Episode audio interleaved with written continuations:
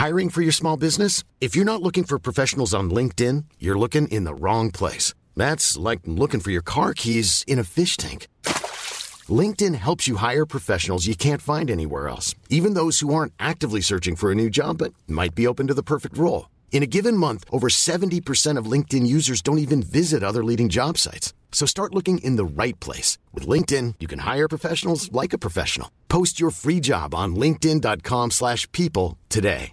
Selling a little or a lot? Shopify helps you do your thing however you cha-ching. Shopify is the global commerce platform that helps you sell at every stage of your business. From the launch your online shop stage to the first real life store stage, all the way to the did we just hit a million orders stage. Shopify is there to help you grow. Shopify helps you turn browsers into buyers with the internet's best converting checkout. 36% better on average compared to other leading commerce platforms because businesses that grow grow with Shopify. Get a $1 per month trial period at shopify.com/work. shopify.com/work. Wow. Nice. Yeah. What you're hearing are the sounds of people everywhere putting on Bombas socks, underwear, and t-shirts made from absurdly soft materials that feel like plush clouds. Yeah, that plush. And the best part? For every item you purchase, Bombas donates another to someone facing homelessness. Bombas. Big comfort for everyone. Go to bombas.com slash ACAST and use code ACAST for 20% off your first purchase. That's bombas.com slash ACAST. Code ACAST. Det er kirkemøte i Trondheim, og to av de som har sentrale roller i Den norske kirke sitt ledelsesapparat, er gjester hos oss denne veka. Velkommen til Tore og Tarjei, en podkast fra dagen.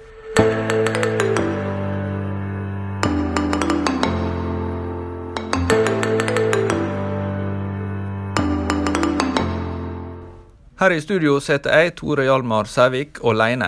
Fra onsdag 27. mars til mandag 1. april er kirkemøtet i Den norske kirke samla i Trondheim. Der er også vår utsendte Tarjei Gilje i lag med nyhetsredaktør Astrid Dalhaug Norheim. Tarjei har intervjua to som hver på sin måte spiller sentrale roller i ledelse av folkekirka. Det er Marie Klakegg Grastveit, som er leder i Stavanger bispedømmeråd, og Ingrid Ward Nilsen, som er direktør i Kirkerådet. Grastveit setter ord på skuffelse etter at Kirkerådet valgte Annelise Odnøy som ny biskop i Stavanger, til tross for at Helge Gård fikk klart mest støtte i den kirkelige avstemningsprosessen. Grastveit har bestemt seg for ikke å ta gjenvalg til kirkemøtet. Det begrunner hun bl.a. med at hun heller vil bruke tid på å bygge kirka på andre arenaer enn på den kirkepolitiske. Da sitter vi altså her med Marie Klake Grastveit, som er leder i Stavanger bispedømmeråd. Her i Nidaros er det rett før åpningsmøtet på kirkemøtet tar til.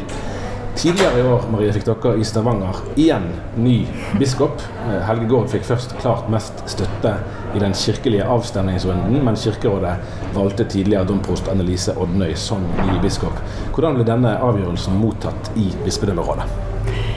I bispedømmerådet så var det jo eh, delt, sånn sett. For det er jo ikke sånn at alle er helt enige om alt der heller. Eh, men eh, vi har jo eh, i bispedømmet generelt òg mottatt dette eh, litt blanda. Eh, og det har vært det har vært overraskende valg. Det tror jeg de fleste var enige om.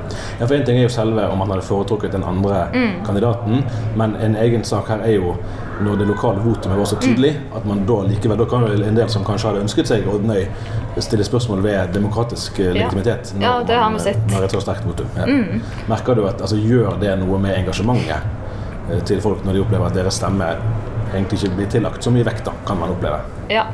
ja, det opplever jeg gjerne noe med engasjementet. Og det er tilbakemeldingene eh, fra felten der ute. Ja, ja. Eh, lokalt i menighetene og, og, på en måte Kanskje spesielt i menighetsråd blant prester og type den eh, demokratiske strukturen og sånn, da.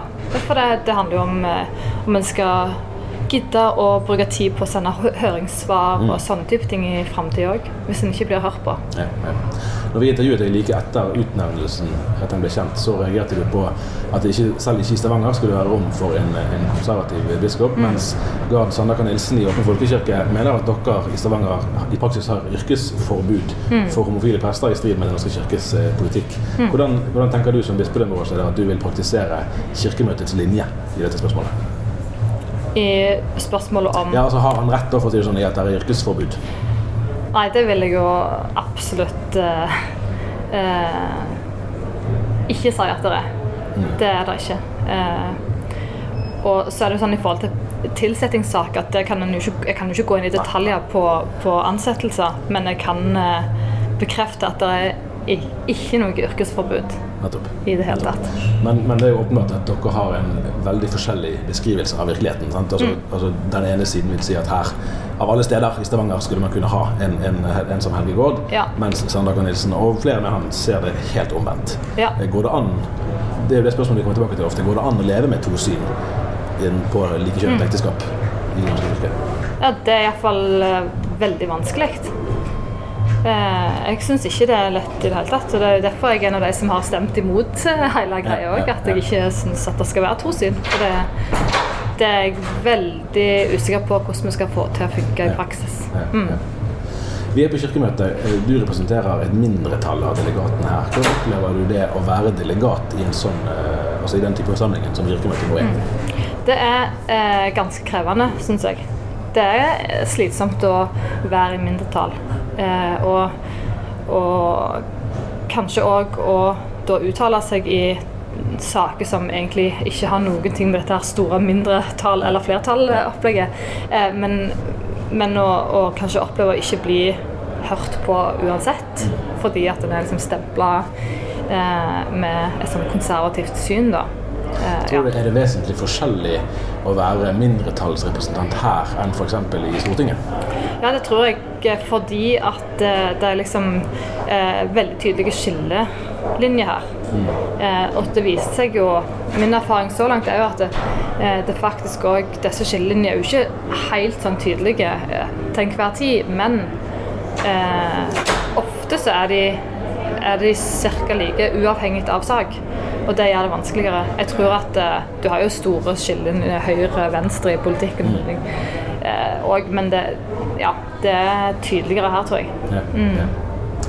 Ja, Har du selv bestemt deg for om du tar gjenvalg nå når det er kirkevalg igjen til høsten?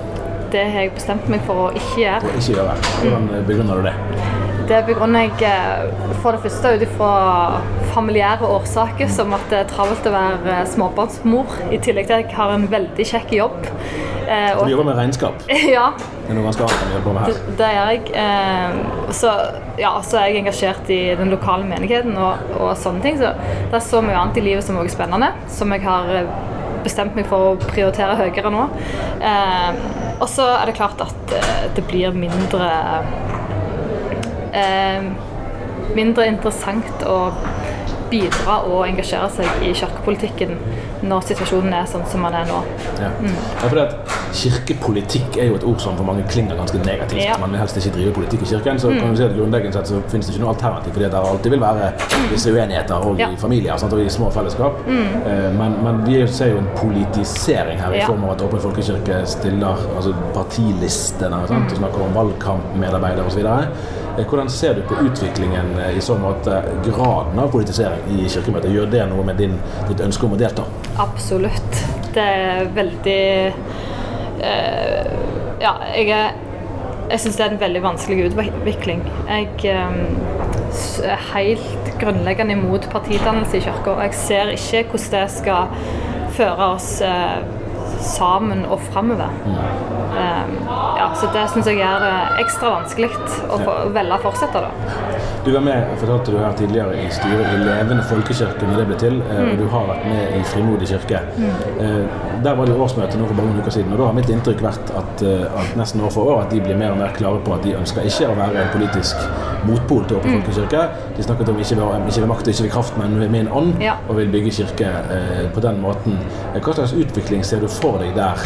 Hvis sant, Sofie Braut, eh, Mm. som òg har vært eh, i, i, ditt, altså i samme landskapet som du er, eh, tar heller ikke gjenvalg. Eh, Er det flere tror du, av de som kalles konservative, da, som nå dropper egentlig kirkepolitikken, heller velger å engasjere seg på andre måter? Og hva gjør det i så fall med Kirkemøtet? Ja, eh, det tror jeg jo kanskje eh, er i ferd med å skje. Eh, nå kjenner jo ikke jeg detaljene i hva folk har, hver enkelt på kirkemøtet nå har bestemt seg for i forhold til gjenvalg, men jeg tenker jo at det er en veldig trist utvikling som skjer. Eh, hvis det nå er sånn at vi blir færre på den eh, konservative sida, hvis en skal bruke det begrepet. Eh, men samtidig så eh, går jeg så langt at jeg sier at jeg kanskje syns det er greit allikevel at det skjer. Em, for jeg, jeg, jeg er ganske overbevist om at det ikke vil fungere. Er ut det, du. du tenker at det kan være et mindre onde egentlig at det får lov til å bli ytterligere politisert, for så da å Ja, så håper jeg liksom en eller endring i fremtiden? Ja, det er egentlig det jeg håper på. Nå, Hva, hva håper du på, egentlig? Nei, jeg har ikke egentlig sett for meg et konkret eh, framtidsbilde. Jeg har bare tenkt at eh, eh, dette ikke kommer til å funke, og da må det skje en endring eh, på et tidspunkt. Um, og jeg håper jo at eh, jeg håper jo at framtida vil bringe mer av dette åndelige lederskapet fram. Ja, ja. eh, og mindre dette politiske spillet eller Ja. Det Jeg har meg sansen for å jobbe fram gode konsensusvedtak og den type ting. Og det syns jeg blir vanskelig hvis vi skal gå på, eh, til valg på ulike partiprogram der en mener helt forskjellige ting. Ja. Jeg har en bjelle som ringer i bakgrunnen her. Det er et hint om at møtet snart begynner. Vi skal rekke et par spørsmål til. Eh, Kirkerådsleder Kristin Gunesco Brom skal jo straks nå tale til Kirkemøtet. og Den eh, talen har vi nesten vært heldige få lov til å lese eh, på forhånd, og den blir publisert eh, ganske snart. Ja. Og Der sier hun bl.a. dette. Bare den kirke som er usikker på sin egen identitet og gudstilhørighet, har behov for å sette grenser og lage høye dørterskler. Evangeliets anstøt, sier hun, ligger ikke ved dørstokken, men ved korset. Eh, sånn, nå, hører du den uttalelsen her, og nå er det kanskje vanskelig å ta stilling til over bordet, men sånn umiddelbart, har du noen vurdering av det hun sier der? Du tenker ikke minst på det med at evangeliets anstøt ligger ikke ved dørstokken, men ved korset. Hmm, ja, den var litt uh, Nei, vrien å ta på. Ja, den var litt uh, dyp. Eh, har eh, en annen, Hun er òg innom i talen sin eh, synkende dåpsstatistikk. Det er jo på det rene. Sånn nå var det vel 51 tror jeg, av befolkningen som var døpt barn Ja. i siste runde, og da er man jo snart under 50 Ja. Eh, Hvis ikke da utviklingen, eh, utviklingen snur. Mm. Likevel sier hun at vi er ingen kirke på defensiven. Eh, ikke en kirke for de synkende tall og forstemmende statistikker. Eh, har Den norske kirke og Kirkemøtet tatt på tilstrekkelig alvor eh, den oppslutningen man faktisk eh, har, eller da ikke har? Jeg tror nok vi er seint ute. Hva skyldes det, tror du? Nei, At vi ikke har tatt det på alvor tidlig nok. Ja, altså, hva, hva, det som, sånn. Men hva kommer det av, egentlig? Hvorfor har man ikke gjort det? Tallene er jo der. ja. um, det er et godt eh, poeng. Tallene er der. Og um, jeg er jo òg usikker på eh, om strategien har funka, da. Um, hva som gjør at folk eh, velger å døpe ungene sine i kirka?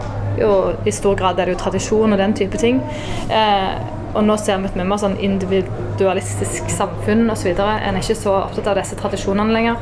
Eh, kanskje det er andre ting enn tradisjonene som gjør at folk da ønsker å komme til kirka. At kanskje ikke dåp av ungene er det som først trekker de der, Nettopp. tenker jeg. ja. Hvor, eh, hvor viktig er Den norske kirke i norsk kristenhet? Eh, ikke minst Ja. hvis vi ser litt fremover. Mm. For det vil kanskje bli et enda viktigere spørsmål enn Ja. det har vært. Det er et spennende eh, spørsmål. Eh, sånn som det er i dag, så tenker jeg at det er et eh, veldig viktig eh, at ja, Den norske kirka har en sentral rolle der. Eh, og jeg tenker at er noe av det som, som har gjort at jeg sjøl velger å stå i statskirka ennå, eller statskirka, Den norske kirka, eh, det er at eh, jeg syns vi har så store muligheter der. Eh, fordi at eh, folk flest fortsatt har en eller annen sånn type tilhørighet. Og de mulighetene må, må vi eh, ta godt vare på å bruke. F.eks. i forhold til konfirmasjon. At så mange fortsatt kommer til kirka jevnt og trutt et helt år og lærer om Jesus. Eh, ja, de mulighetene der de er store, og de må vi ta godt eh, vare på. Det er en av de tingene som jeg tenker gjør at det, det fortsatt har en stor plass eh, i det kristne landskapet. Mm. Jeg har skrevet flere kommentarer gjennom de siste årene om at egentlig så er den konservative leiren, og selv om det er vanskelig å bruke, at den mm. leiren som ikke er på linje med flertallet her, mm. egentlig er mye sterkere enn man kan få inntrykk av, men at den er oppdelt. Sant? Der er mm. noen som er i Den norske kirke, og som, mm. som tilhører enten rådstrukturen eller som bare er der. Ja. Du har bedehusbevegelsene, eh, mm. og du har frikirkeligheten. Eh, der, der, er mange som egentlig har interessefellesskap på tvers, men de er i hver sine båser, mer eller mindre. Eh, ser du for deg noen større endring der? For det kunne jo i så fall ha skapt et nytt tyngdepunkt hvis ja man klarte å overstige de mm. hindringene som er der. Mm. Eh, det hadde jo vært utrolig bra hvis vi fikk til det. Jeg er enig i beskrivelsen din. Jeg syns eh, i den sammenheng kanskje at Rolf Kjøte hadde en veldig interessant kommentar nå mm. eh, i forbindelse med Frimodig kirkes sitt årsmøte. Eh, og en kan jo se for seg at en med å lage et eller annet type nettverk eh, kan nå en større bredde og klare å samle oss, og, og da få en sånn få vist hvor mange vi er, da. Ja, på en annen måte enn vi klarer i dag. Stå mer sammen. Det tror jeg hadde vært utrolig bra.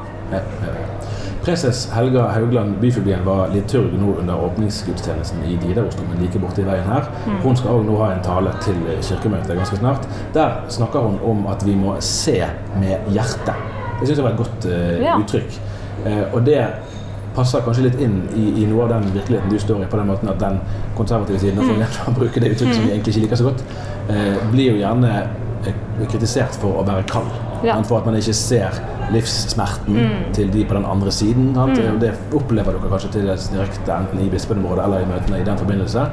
Eh, hvordan, hvordan, tenker du at det går an å se med hjertet, og mm. samtidig ivareta sin eh, teologiske overbevisning? Ja, det er utrolig vanskelig å kommunisere, iallfall. Og det er min personlige erfaring sånn, i intervju og sånne type ting disse årene jeg har snakket om likekjønn ekteskap og sånn òg, at uh, det blir liksom ikke hørt.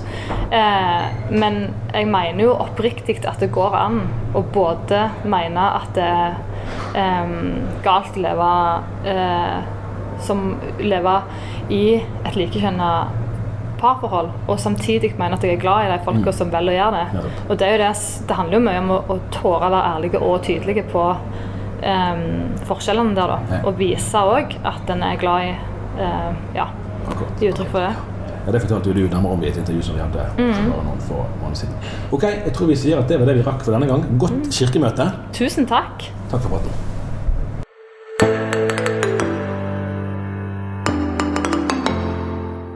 Ja, det var altså Marie Klakegg Grastveit. Nå skal vi over til ei som har sitt daglige virke i Kirkens Hus i hovedstaden. Ingrid Ward Nilsen har vært kateket i Sør-Varanger, generalsekretær i Norges kristne råd, prost på Kongsvinger og ekspedisjonssjef i Kulturdepartementet med ansvar for kirkesaker. Fra 1.8 i fjor er hun direktør i Kirkerådet i Den norske kirke. Ja, Da sitter vi altså på presserommet her på Kirkemøtet sammen med Ingrid Wad Nilsen. Du begynte 1.8 i fjor som direktør i Kirkerådet. Der har du ansvar for rundt 75 ansatte, men du har òg arbeidsgiveransvar for nærmere 1600 kirkelige ansatte utenfor Kirkens hus i Oslo. Så er jo du egentlig prest. Hvordan opplever du at det kommer til nytte og er en ressurs for deg i, i direktørjobben? Jeg tenker, altså All erfaring man har med seg, er jo en ressurs inn i de jobbene man til enhver tid har. Uh, og det blir litt det samme som å spørre liksom, hva betyr det å være kvinne i denne jobben. Altså Ja, det betyr selvfølgelig noe. Det betyr noe å være prest. Uh, men først og fremst for meg så er dette et, uh, en lederjobb hvor jeg må bruke lederhåndverk og være en, også en god byråkrat for å klare å håndtere Eh, alle de sakene som skal gjennom vårt system for å bli til gode eh, underlag for beslutninger hos politikerne. Mm. Eh, men jeg ville jo ikke ha unnvært å være prest. Nei, for det er litt som at, at i, i, skolen så er jo rektorer fremdeles ja. lærere. I prinsippet kunne de vært administrativt ja. økonomisk utdannet, ja. men de skal være lærere litt på samme måten. Mm. At du har den bakgrunnen du har, og det betyr vel noe for hvordan du forstår eh, direktørjobben òg. Ja, på en måte gjør det det, og på en annen måte så har jeg vært ganske bevisst på ikke å opptre som prest i denne rollen. Mm. Fordi folk skal vite at jeg er en helt alminnelig leder. Ja. Jeg har ikke noe andre lederverktøy i denne jobben enn en annen ville hatt. Mm. Så sånn pastoralt lederskap utøver jeg jo ikke ja. i denne jobben. Uh, ja, og jeg står under tilsyn av Oslo biskop og vedkjenner meg gjerne det. Og ja. tar imot korreks derfra hvis det skulle være nødvendig. Ja, men, Kommer vi til å se deg eh, i presteklær på et eller annet kirkemøterelatert arrangement? Eller det, da vil det være et brudd for deg i, i, den rollen du nå har? Da ville jeg ha skifta mening, ja, hvis jeg skulle det. Jeg har prøvd å være ganske bevisst på at jeg er sivilist i denne sammenhengen. Akkurat. Sivilist, ja. Ifølge de siste tallene eh, fra Statistisk sentralbyrå vel, så ligger dåpstallene nå på 51% av alle fødte barn i Norge. Så Den norske kirke kan jo da eh, i en kort tid havne under 50% altså under, under halvparten, og dermed unna flertall. Eh, Folkekirkens forsvarere legger mer vekt på den nasjonale tilstedeværelsen enn på i og for seg den prosentvise oppslutningen. Og Kirkerådslederen snakket i sin tale om at man nå har innsett alvoret. Hvordan kan folkekirken gjøre evangeliet tilgjengelig for flere, sånn at flere da skal ønske å døpe barna sine? Det er tusenkronersspørsmålet. Mm. Og hadde vi hatt svaret på det, så hadde jo, tror jeg, tallene også vært høyere. Uh, så må vi av og til skille mellom det vi kan gjøre noe med, og det vi kanskje ikke kan gjøre noe med. Det er klart at det er alminnelige trender i vårt samfunn som uh, er sekulariserende. Det er en veldig sterk trend som går ut på at foreldre mener at barna skal velge selv. Og dette er det vanskelig å komme inngrep med, men vi øver oss på å prøve. Eh, fordi det er jo for meg en veldig underlig innstilling å si at jeg abdiserer fra å oppdra barnet mitt i det som betyr aller mest for meg i mitt liv. Selvfølgelig gjør jeg ikke det. Mm. Selvfølgelig gir jeg videre det beste jeg har til mine barn. Og det mener jeg jo at foreldre med stor frimodighet kan gjøre, selv om ikke de selv har en tro med to streker under svaret. Det er jo nettopp derfor vi har Kirken, fordi man kan lene seg på Kirkens tro og tradisjon når man bærer barnet sitt til dåp. Eh, men i fjor døpte vi altså under 30 000 barn i Den norske kirke. Det er det laveste tallet etter at vi begynte å telle. Mm. Så det er klart dette er alvorlig. Noe av det vi helt åpenbart må gjøre noe med, er tilgjengelighet og kvalitet. Vi må sørge for at folk får døpt barna når de kan. Når de mm. kommer og ber om det, så må de få døpt barna. Eh, det går ikke an å si at nei, det er fullt, eller nei, du må komme hjem neste måned. Mm. Altså nei, de, vi må virkelig være innstilt på å komme folk i møte. Og så må vi møte dem med kvalitet. Altså dårlig kvalitet straffer seg veldig i dagens samfunn på veldig mange områder. Mm. Også i den måten vi møter uh, folk som, som ønsker opp, Og det gjelder jo alt fra den som tar imot den første henvendelsen på mail eller telefon, til prest og, og organist, og hvordan man har denne gudstjenesten, og hvordan folk føler seg sett og møtt med de livene de kommer med. Så uh, er det Altså, vi mener jo at dåp er nødvendig til frelse, så mm. dette er jo viktig ja, ja, for oss. Ja, uh, men det er klart at når vi da ser at faktisk en god del ikke døper barna sitt det første leveåret, mm. så må jo vi også tenke annerledes om hvordan kan vi da møte toåringer, treåringer, femåringer, tiåringer? For at, uh, hvis de skal velge selv, så må det iallfall være et grunnlag der for at de kan velge selv. Mm. Hvis det er det innsteget foreldrene har hatt. Så vi må jo også være mer kreative enn det vi har behøvd å være før. da på å prøve å finne de gode innstegene. Både kanskje ja, i måten vi uttrykker oss på de digitale medier, kanskje i flere barnebøker som tar dette opp på en måte som gjør at, at barn i hvert fall da har grunnlag for å velge. Akkurat, akkurat. Eh, kirkerådslederen snakket jo om, eh, om, det økumeniske fellesskapet som, som, på en måte har blitt vitalisert i Norge, bl.a. Gjennom, gjennom mange katolske innvandrere. Mm -hmm. Hvor viktig eh, vil du si at Den norske kirke per i dag er i norsk kristenhet? Altså i en situasjon der det finnes òg andre kristne sammenhenger mm. som, som, har en betydelig tyngde? Det går ikke an å si at en kirke som har 70% av landets befolkning som medlemmer, ikke er viktig. Eh, det, det, er en samfunnsinstitusjon som vi har hatt her i landet i hundrevis av år. Det er klart den er viktig, og vi må aldri undervurdere vår egen rolle og posisjon i dette samfunnet. Eh, samtidig så er det selvfølgelig viktig at vi er en god storesøster i dette selskapet. Og ikke dominerer alt og alle, men også finner vår plass eh, i det store fellesskapet av kristne som nå utgjør på en måte kristenheten i Norge i dag. Da. Mm. Eh, under debatten her inne nå rett i sted så hørte vi flere fra Stavanger bispedømme sette ord på skuffelse og fortvilelse over at det lokale votumet ble overprøvd der i valget av ny biskop. I nettopp Stavanger finnes det jo mange vitale både bedehus og fri menigheter. De som ikke mener at vigsel av likekjønnede par har støtte i Bibelen, hvorfor mener du at de likevel bør velge Den norske kirke? Fordi det i Den norske kirke er mange rom, og det er plass til eh, mennesker med ulik mening om akkurat det spørsmålet. På samme måte som det er eh, et meningsmangfold på mange andre spørsmål. Eh, og dette det har alt enhver tid vært ulike typer spørsmål som har vært satt på spissen. Da jeg var ung, var det kvinnepressspørsmålet, nå er det homofili. Eh, så selvfølgelig mener jeg dypt teologisk at vi hører sammen fordi vi tror på den samme Kristus. Og derfor også skal ha et felles vitnesbyrd i dette samfunnet om det som virkelig er de viktige tingene som angår synd og frelse. Ja, ja. Eh, før jul så var vi sammen på 25-årsjubileet til KIFO, det som nå heter Institutt for kirke-, og religions- og livssynsforskning. Du har jo i mange år jobbet i departementet som ekspedisjonssjef. Eh, og Du fortalte bl.a. der om hvor opptatt daværende Hun var vel fornyingsminister, da i kraft av det, eller var det administrasjonsminister? Hun var i hvert fall kirkestatsråd i, under Stoltenberg-regjeringen, eh, og hun var på post 22.07. Eh, I forbindelse med det så var hun opptatt av å ikke snakke om Norge som et flerkulturelt samfunn. Og det fortalte du om litt i lys av en folkekirkedebatt mm. som gikk der, om hvordan det begrepet kan bli politisert i dag eh, og brukes på ulike måter. Si litt om, om erfaringene du hadde der. For det var jo en, en spesiell erfaring av Kirkens oppslutning i en helt spesiell situasjon, åpenbart, eh, men der, der, det norske folks tilknytning til folkekirken blir synliggjort på en måte som vi gjerne vanligvis ikke ser fra uke til uke. Eh, jeg fortalte flere ting i det møtet med KIFO. Og den ene tingen handla om det som skjedde etter 22.07, hvor mange av oss trodde at vi da skulle inn i en, en måte å tenke på som gjorde at Den norske kirke ikke skulle være den som på en måte bar eh, folkets religiøse uttrykk i tida etter, men at vi skulle prøve å finne et flerreligiøst uttrykk for det. Da var Arbeiderpartiet veldig bestemt på at er det krise, så går man der man vet man har fått hjelp før. Mm. Man lager ikke noe nytt. Eh, og, og, og, det som skjedde, var jo at Den norske kirke hadde en helt alminnelig gudstjeneste to dager etter denne ulykksalige eh, fredagen. Uh, og den inviterte plutselig hele statsapparatet og regjeringen seg inn til.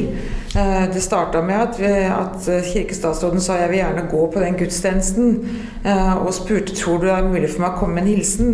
Og det endte jo med at statsministeren var der og bar liksom dette for regjeringens vegne. Og de gjorde valg på en måte som, som, var bevisste politiske valg for de, hvor de tenkte at de ville gå med sin sorg og sin nød i den tida etter. Og det er jo en av de tingene som er en, nettopp en viktig samfunnsrolle for Den norske kirke å klare å bære folket når det er som verst. Eh, og så den andre eksempelet var, eh, og det var en senere statsråd, som ikke ville bruke begrepet flerkulturelt samfunn, fordi hun var helt overbevist om at dette var et kristent samfunn fortsatt, og at det flerkulturelle var ikke noe hun ønska å bli identifisert med i dette samfunnet. Mm. Eh, og det tror jeg jo kanskje er en, eh, et uttrykk for også noe av det som har skjedd i vårt land i de siste åra, hvor polariseringen er blitt litt sterkere. og vi hvor vi før snakka liksom om det flerkulturelle, og det mange blomster skal blomstre, og det var mange bilder på liksom dette nye samfunnet, så er vi blitt mye mer bevisste på hvem vi er, hva slags tilhørighet og tradisjon vi har. Vi snakker om norske verdier. Det gjorde vi ikke så mye før. ikke sant? Sånn at dette går nok inn i en helt sånn ja, en måte å beskrive samfunnet på som også kan virke litt mer polarisert, og som kanskje også kan gjøre det litt vanskeligere eh, å ikke være en del av majoriteten. Og det er jo klart at vi som da er majoriteten, både som norske og som ja. tilhører Den norske kirke, må være litt våkne for at vi ikke da på en måte går inn i, i noen stereotypier og stigmatiserer andre. Mm, akkurat, akkurat. Da må jeg beklage litt uh, lunefull hukommelse. Det var tydeligvis jeg ikke husket helt rett. Det er jo sånn som kan skje. Eh, når, i, i, lys av det som de betraktningene deler her, når er folkekirken i 2019 da på sitt aller beste? Jeg tenker den, den er på sett og vis eh, Den er på sitt beste hver søndag. Ja. Men det er det altfor få som vet om. Det er veldig dumt. Så det må vi prøve å gjøre noe med i forhold til at mange flere eh, får ta del i det. Eh, det var en blogger i Oslo som plutselig bestemte seg for å gå i en ny kirke i Oslo hver, dag, hver søndag gjennom et helt år. Og hennes oppsummering av det er jo at dette er jo Norges best bevarte hemmelighet. At det skjer så mye bra i kirkene på søndag formiddag. Eh, så det må vi absolutt gjøre noe med for å få måte, spre den nyheten. Men jeg tror hvis du spør folk flest, så vil de si at Den norske kirke opplever de som best i vigsel og begravelse. Ja. Altså der hvor liksom livet er på topp og i bånn. Mm. At der har vi ord, der har vi riter, der har vi noe som bærer oss da, ja. gjennom liv og død på en veldig god og solid måte. Mm, mm. Både på, på bedehus og i frimenigheter vil antagelig en del mene at Den norske kirke er for uklar i sin profil, og at den i ønsket om å nå bredt ut eh, ender opp med å bli for forsiktig. Eh, samtidig vil man gjerne fra Den norske kirkes side hevde at både organisasjonene og frimenighetene har vist i ja, 150 år at de ikke klarer å nærme seg Den norske kirkes breie kontaktflate i befolkningen. Vil disse to utviklingslinjene da, vil de fortsette i samme retning i tiden fremover, eller ser du endringer som peker i en motsatt retning? Altså, vi har bedt eh, om å få eh, statistikere til å framskrive medlemsutvikling. Mm. Eh, og de ser ikke eh, så dystre ut som man kunne tenkt mm. seg. Mm. Ja. og det sier vel nettopp noe om at eh, ja, denne tradisjonen, denne måten å på en måte bære oppe det kulturelle, med identitet, den tilhørigheten til tro og kirke, den ligger der som en basis i veldig mange menneskers liv. Selv om de ikke har aktive ord for mange av de tingene som vi nok skulle ønske at det fantes litt mer ord på. Eh, men den der ordløse troa er vel det som på en måte kjennetegner det store flertallet av Den norske kirke. Mm. Og det tror jeg vi skal snakke opp da, og hjelpe folk med, istedenfor å snakke det ned.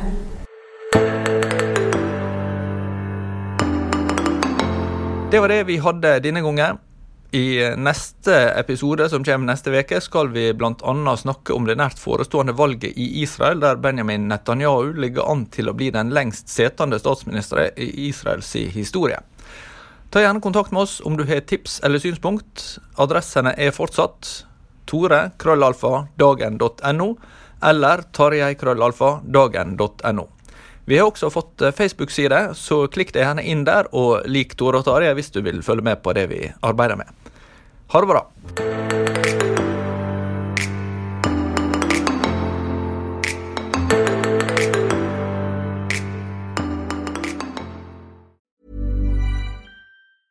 Selling a little or a lot? Shopify helps you do your thing however you cha-ching. Shopify is the global commerce platform that helps you sell at every stage of your business. From the launch your online shop stage to the first real life store stage, all the way to the did we just hit a million orders stage. Shopify is there to help you grow. Shopify helps you turn browsers into buyers with the internet's best converting checkout. 36% better on average compared to other leading commerce platforms because businesses that grow grow with Shopify. Get a $1 per month trial period at Shopify.com slash work. shopify.com/work.